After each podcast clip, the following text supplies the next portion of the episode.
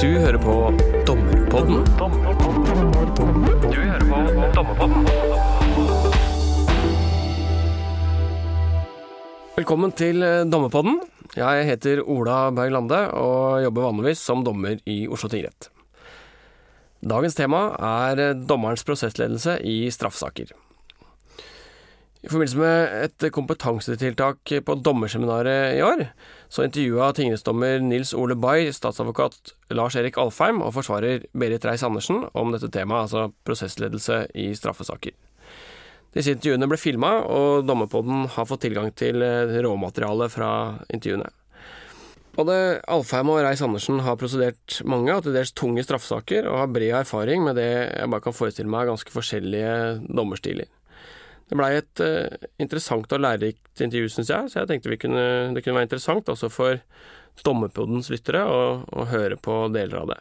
Så Derfor har vi plukka ut noen godbiter fra samtalen, og det er det som utgjør denne episoden av Dommerpodden. Du hører på Dommerpodden. Jeg syns parts- og vitneavhør er noe av det mest krevende jeg gjør som dommer. Etter at vi er gjennom skal vi si, den formelle åpningsdansen i en straffesak, og aktor har gitt oss litt av bakgrunnen for saken, så er det vår oppgave å innhente tiltaltes frie forklaring. Jeg synes det kan være ganske vanskelig. For det første så må vi hele tida ivareta tilliten til rettens upartiskhet. Og for andre så veit vi jo stort sett nesten ingenting om saken når vi avhører tiltalte. Så hvor langt skal vi egentlig gå? Hva er god dommeropptreden i så måte? Og hva gjør vi når vitnene avhøres og aktørene stiller spørsmål først?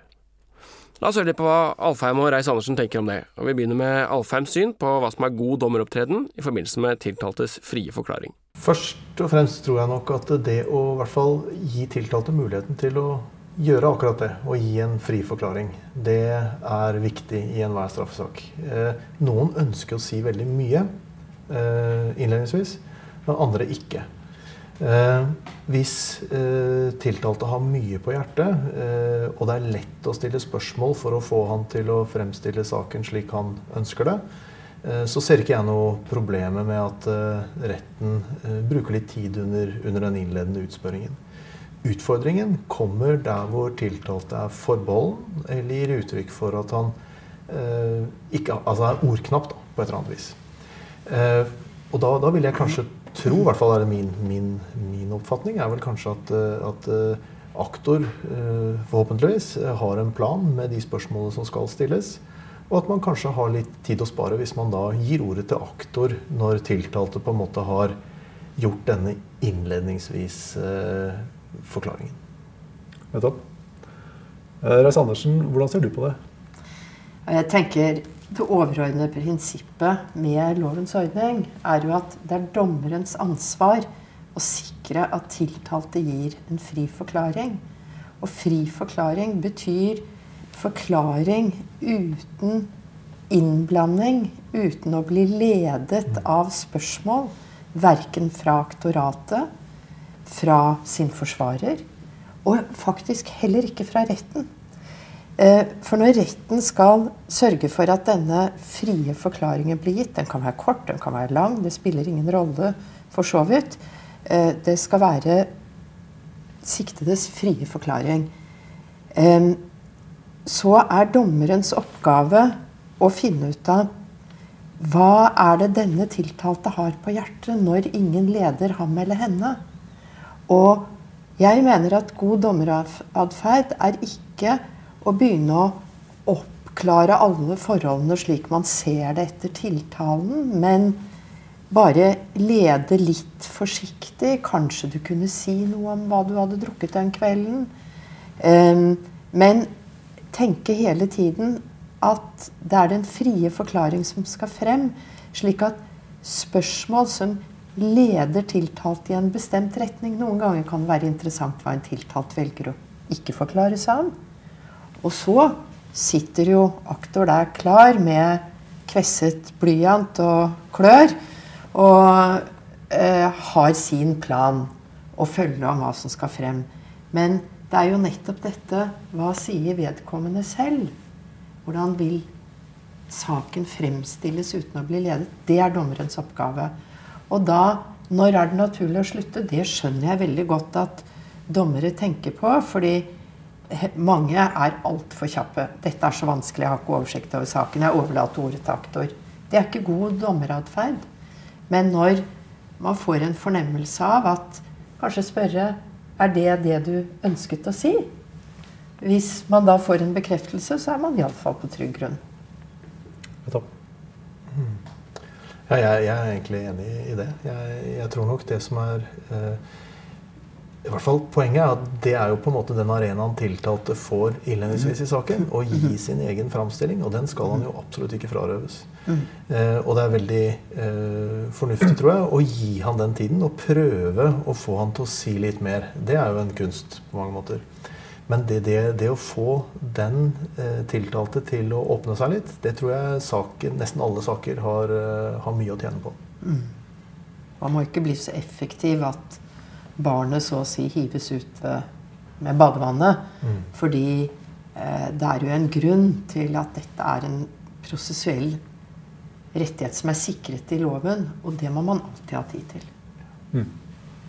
Men det betyr også at en, en dommer som tenker at uh, denne, dette faktum er så, så, enkelt og greit at her kan jeg egentlig gjennomføre hele eksaminasjonen og få svar på alle de spørsmålene uh, jeg har, og avklare om straffbarhetsvilkårene er til stede, eh, da, da, oppfatter jeg på deres svar at det tenker at da, da har man gått eh, for langt eh, som, som dommer. Jeg tenker, Hvordan kan dommeren tenke det når du ikke har snakket med vedkommende før? Du ikke har lest saken, du har ikke lest en forklaring. Du har ikke oversikt over hva vitner kommer til å si senere, som da kan utløse relevante spørsmål det er eh, en fallgruve for dommeren å tro nettopp det. Og så overta rollen til både aktor og forsvarer og tenker sånn Dette fikser jeg på egen hånd. Det går ikke. Det var altså litt om eh, tiltaltes frie forklaring, og ikke minst om, om hensynet til eh, aktor og forsvarers opplegg. Et annet hensyn som dommeren må ta, er hensynet til den som forklarer seg. Og ikke minst hvordan vi håndterer aktor og forsvarers konfronterende spørsmål på en ålreit måte. Vi skal høre litt om hva gjestene våre tenker om det. Her er eh, Nils Ole som beskriver de kryssende hensyn. En situasjon som kan være utfordrende fra dommerbordet, det er eh, forsvarers eh, krysseksaminasjon av fornærmede i f.eks. For en voldtektssak. Der må vi som dommere forsøke å finne en balanse mellom å ivareta fornærmede Samtidig som tiltalte ved sin forsvarer naturligvis har rett til å forsvare seg mot anklagen.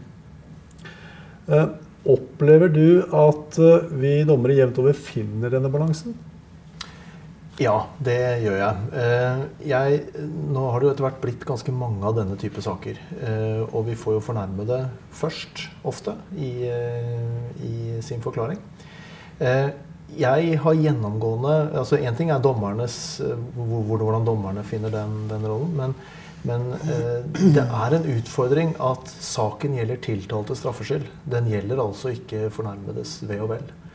Eh, og det, det, er selvfølgelig en utfordring. Eh, og det må Jeg tror man er nødt til å tillate at det stilles en god del kritiske spørsmål til fornærmede. Eh, nettopp fordi at straffesaken gjelder tiltaltes skyld. Eh, dette er et, egentlig etter mitt skjønn et, et, lite, et, et, paradoks. Fordi at eh, den fornærmede vil jo ofte oppleve rettssaken som en voldsom belastning. Og den vil også være vinklet egentlig først og fremst mot tiltalte, og ikke mot fornærmedes eh, opplevelse av hvordan ting har vært. Eh, slik at, eh, men, men, men for, å, for, å, svare på spørsmålet, nær sagt, så syns jeg egentlig at at både domstolen og forsvarerne for å være helt ærlig også, er ganske gode på, på dette. Hva tenker du, Reis Andersen?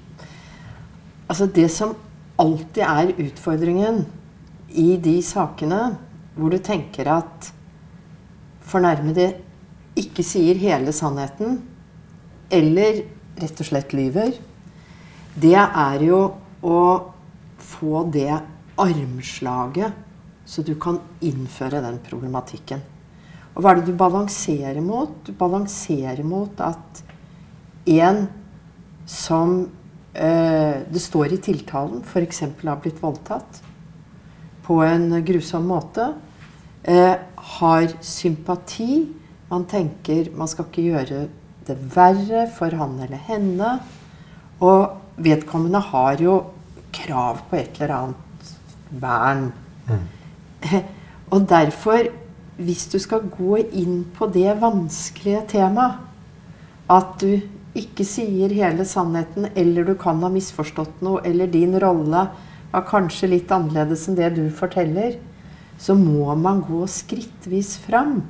Fordi man må få fagdommeren, men ikke minst meddommerne, med på en tankerekke. Jeg gjør ikke dette for å være slem og herje med en som ligger nede.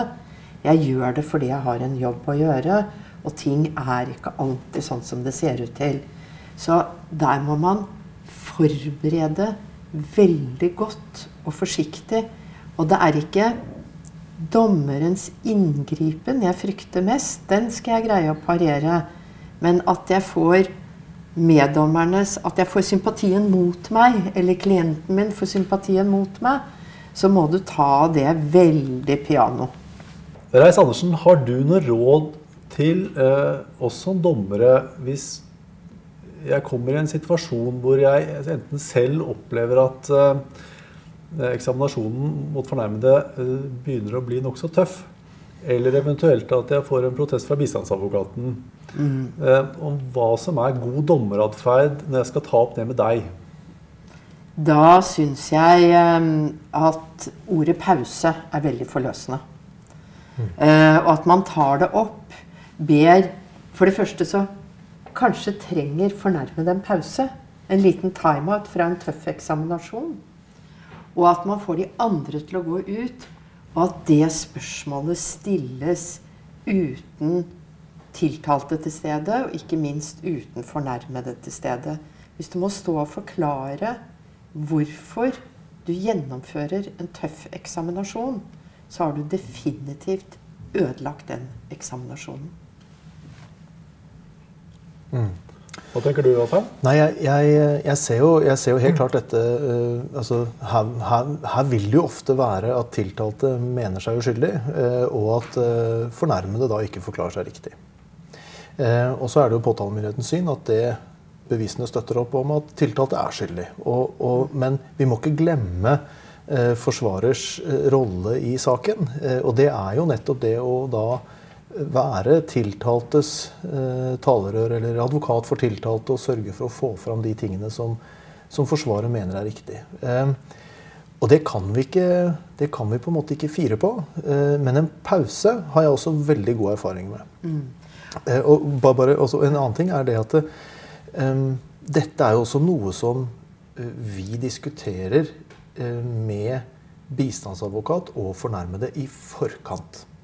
Veldig ofte, eh, mer eller mindre nesten hver eneste gang, så legger vi opp til en samtale som realitetsorienterer fornærmede mot det han eller hun skal igjennom. Det er ikke noen eh, prepping av fornærmede ut fra hva han eller hun skal forklare seg, men det er rett og slett at eh, litt om forventningen av hvordan det er å sitte i retten som fornærmet. Fornærmede har jo i prinsippet som fornærmet ikke gjort noe galt.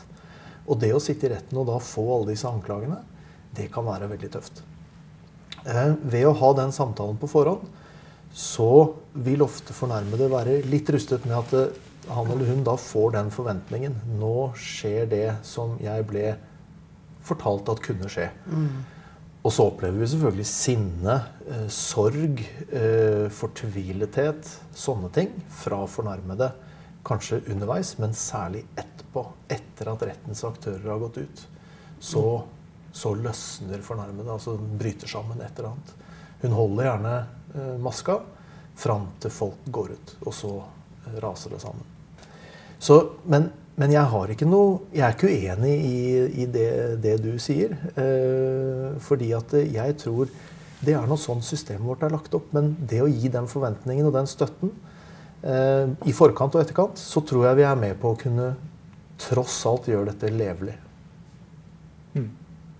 Ja, det tror, jeg er veldig, det tror jeg er veldig bra, en sånn realitetsorientering. Men det er jo tross alt dommerens oppgave da, å overvåke om forsvareren herjer med en fornærmet med saklig grunn mm. eller ikke. Mm. Og hvis man kan få aktørene ut, få redegjort for dommeren 'Dette er mitt opplegg, det er det jeg er ute etter', så er det jo dommeren som må vurdere er dette en saklig grunn, og kan kanskje stille noen spørsmål. Ja, hva er det du bygger på at den telefonsamtalen ikke fant sted da? Jo, så får man redegjøre for det. Og så må jo dommeren si OK eller ikke OK. Det er helt amerikansk film, da. Men uh, det er uh, Mitt poeng er bare at vi skal ikke bli tvunget til å blottlegge et opplegg overfor, uh, aktør, altså overfor et vitne før du er ferdigeksaminert mm. vitne. Men samtidig så oppfatter jeg det, det er slik at vi må kunne forvente som dommere at du som forsvarer kan redegjøre for hvilken si, saklig begrunnelse det er for den, den, eksaminasjonsrekken som du da er i ferd med å skulle gjennomføre? Ja, absolutt. Klart. Altså, jeg er veldig tilhenger av generelt en aktiv dommeratferd. Um, at man er i dialog med dommeren. Hva gjør jeg nå? Hva mener jeg nå? Er det riktig? Det er jeg veldig tilhenger av. Jeg liker bare ikke å bli avbrutt. Og jeg liker ikke å få oppleggene mine eh, eh, forstyrret av en overivrig dommer. Så det er litt sånn respekt for begge roller. Men det er jo grenser for hva vi skal gjøre, kan gjøre i retten. Og det er det dommeren som skal overvåke, og det må vi andre finne oss i. Mm. Så hvis jeg kan skyte inn, jeg, jeg tror også det at eh, det er veldig sjelden i hvert fall syns jeg, at jeg opplever at en forsvarer går på en måte utenfor alle parametere. Eh, spørsmålene Vi er jo en, en, ganske god rettsstat, tror jeg. Eh, og de fleste spørsmålene som kommer, har en knytning til det saken gjelder. Eh, på alle måter, eh, egentlig. Ja, det er ikke noe godt forsvar å overspille på det punktet. Nei, nei, det er ikke det. Det er kanskje et spørsmål om, om form eh, også. Hva slags form man har når man eksaminerer. Mm. Det kan jo være Spørsmålet i seg selv kan jo være tøffe, samtidig som man kan ha en nokså avdempet form. Mm. Som kanskje gjør at man, eh, at man hvert fall som dommer vil, vil lettere tillate det. Men hvis man opplever at det er si, stor grad av aggressivitet i, i, spørsmålsstillingen? Det er veldig mye med form å gjøre, for det er noe med det emosjonelle som skapes i rommet. Mm. Og det er eh, nesten ikke grenser for hvor vanskelig og insinuerende og krevende spørsmål du kan stille mm. hvis du gjør det i en dannet innpakning. Det hjelper, det, altså. Ja, mm, absolutt. Det lærte jeg ikke på universitetet, men det lærte jeg av moren min.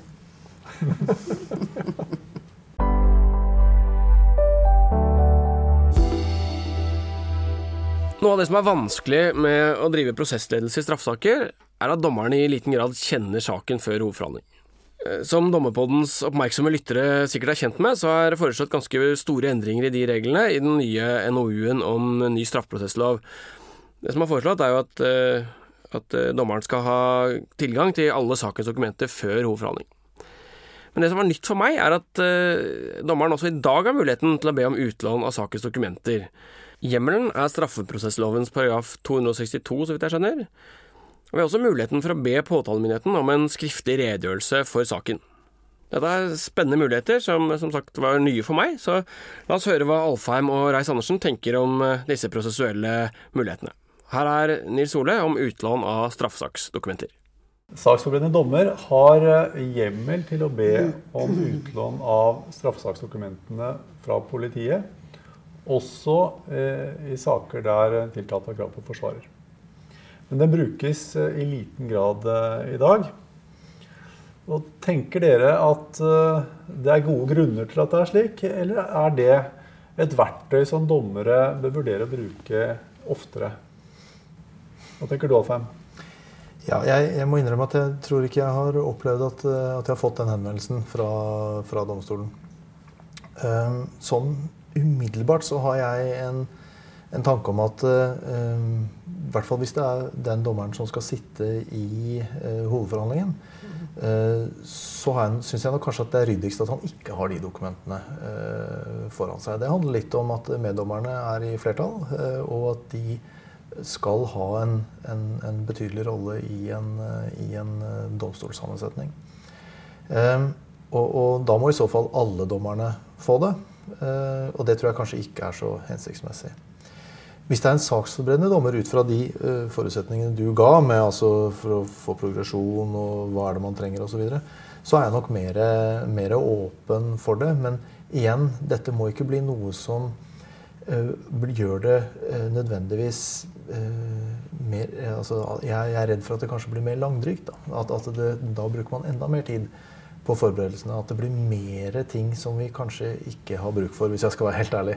Mm. Eh, fordi at eh, mye av dette vil jo løses gjennom dialog. Eh, gjennom at eh, aktor lager en ordentlig bevisoppgave, og at forsvarer gir tilbakemelding ordentlig på hvilke utfordringer den ser. F.eks. skal det være lukkede dører, skal det ikke? Hvor mange vitner skal vi ha? Hvor lang tid skal de bruke? Sånne ting. Eh, det er ting som vi egentlig ofte får avklart underveis allikevel. Og da er jeg litt usikker på, på formålet med det. Men jeg, jeg, har ikke tenkt så veldig mye på det, egentlig. Jeg vet ikke hvordan, om du har noe annet Det er jo ett prinsipp og en praktisk side.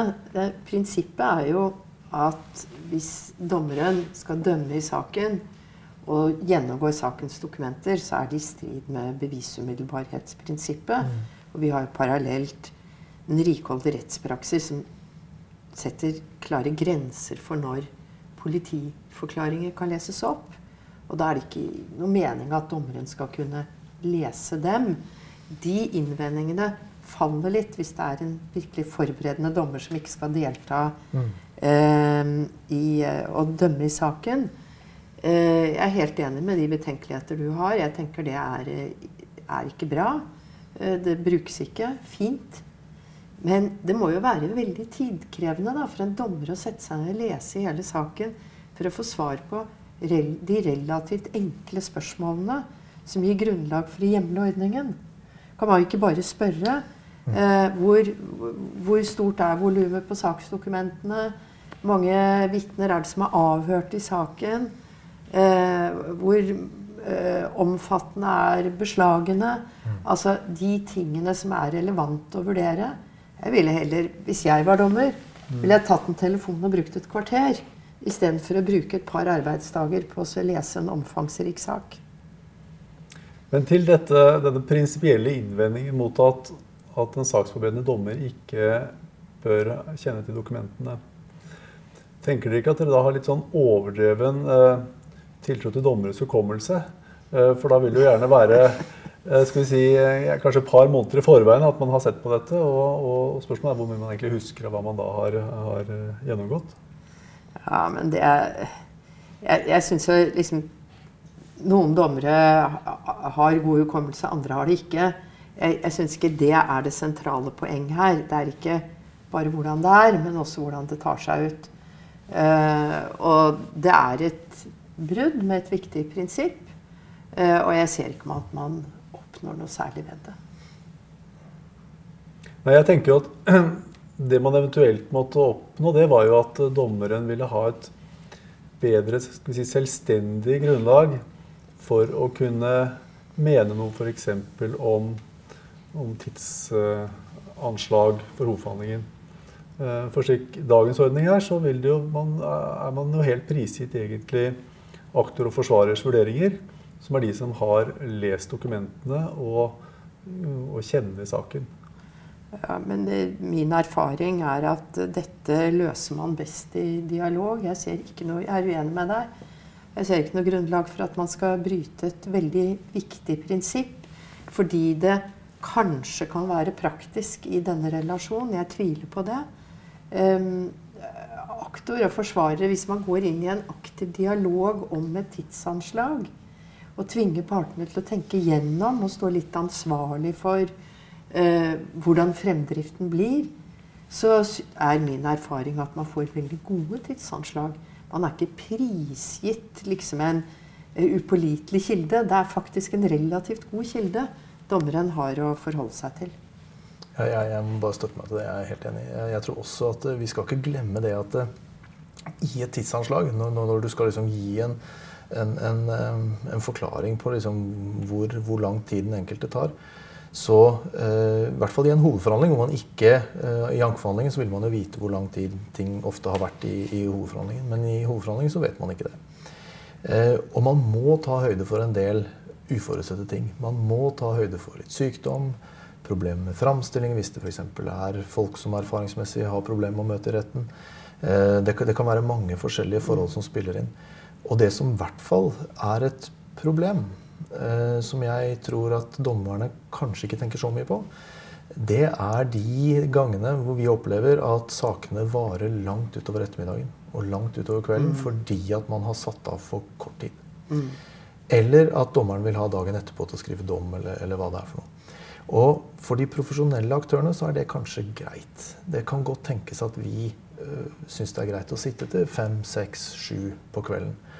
Eh, personlig syns jeg ikke det, men, men, men, la oss nå for tankens skyld si at det er greit. Men for den tiltalte, for den fornærmede, for mm. meddommerne, så tror jeg det er et problem. Mm. Jeg tror at det å altså, og, og, ikke minst en jury som altså skal sitte og, og ta disse inntrykkene og kollokviere seg imellom, så tror jeg at uh, de trenger å være opplagt. Og det er grenser for opplagt man klarer å være over, uh, over lang tid. Mm. Og da er det viktigere å ha et romslig tidsanslag, og det med måte, selvfølgelig. Jeg ikke, mener ikke at, uh, at, det skal gå helt ut over alle støvleskaft, men, men, man må ta inn det, sånn at ikke man sitter Og dette opplever vi uh, ikke så rent sjelden. Jeg har mm. statsadvokater hos oss som kommer og kommer hjem fra retten halv sju om kvelden uh, etter å ha sittet i lange forhandlinger. Og hvis du gjør det over lang tid, så tror jeg i hvert fall meddommerne, men sikkert også noen av oss andre, faller ut underveis. Men eh, for uh, aktor og forsvarer så er jo ikke arbeidsdagen over når du går ut fra retten. Neida, du har en god del etterarbeid som skal mm. gjøres, og bearbeide notater og planlegge neste dag. Og kanskje en og annen, annen sak mm. uh, som man må håndtere. Så det er, det er å drive rådrift på folk. Du hører på. Det var det vi hadde tid til å ta med i Dommepodden i dag. Og vi satser på å være tilbake med en ny episode i løpet av omtrent en måned. Da har vi invitert eh, Anine Kierulf og Kjetil Kolsrud til å snakke om dommernes rolle i samfunnsdebatten. Det tror jeg blir bra, så klikk på abonner i iTunes, eller sjekk tilbake her om eh, noen uker. Du har hørt på Dommepodden. Dommerpodden er en podkast fra Norges domstoler, og er først og fremst ment som et kompetansetiltak for dommerne. Foreløpig er dette et eh, prøveprosjekt, og vi som lager podkasten er interessert i å høre hva du syns. Hvis du har ris, ros eller forslag til temaer eller folk vi kan prate med, så blir vi glad for å høre fra deg. Send en mail til podkast at domstol.no og gi oss en mulighet til å bli bedre. Ha en god dømmende hverdag så lenge. Vi høres.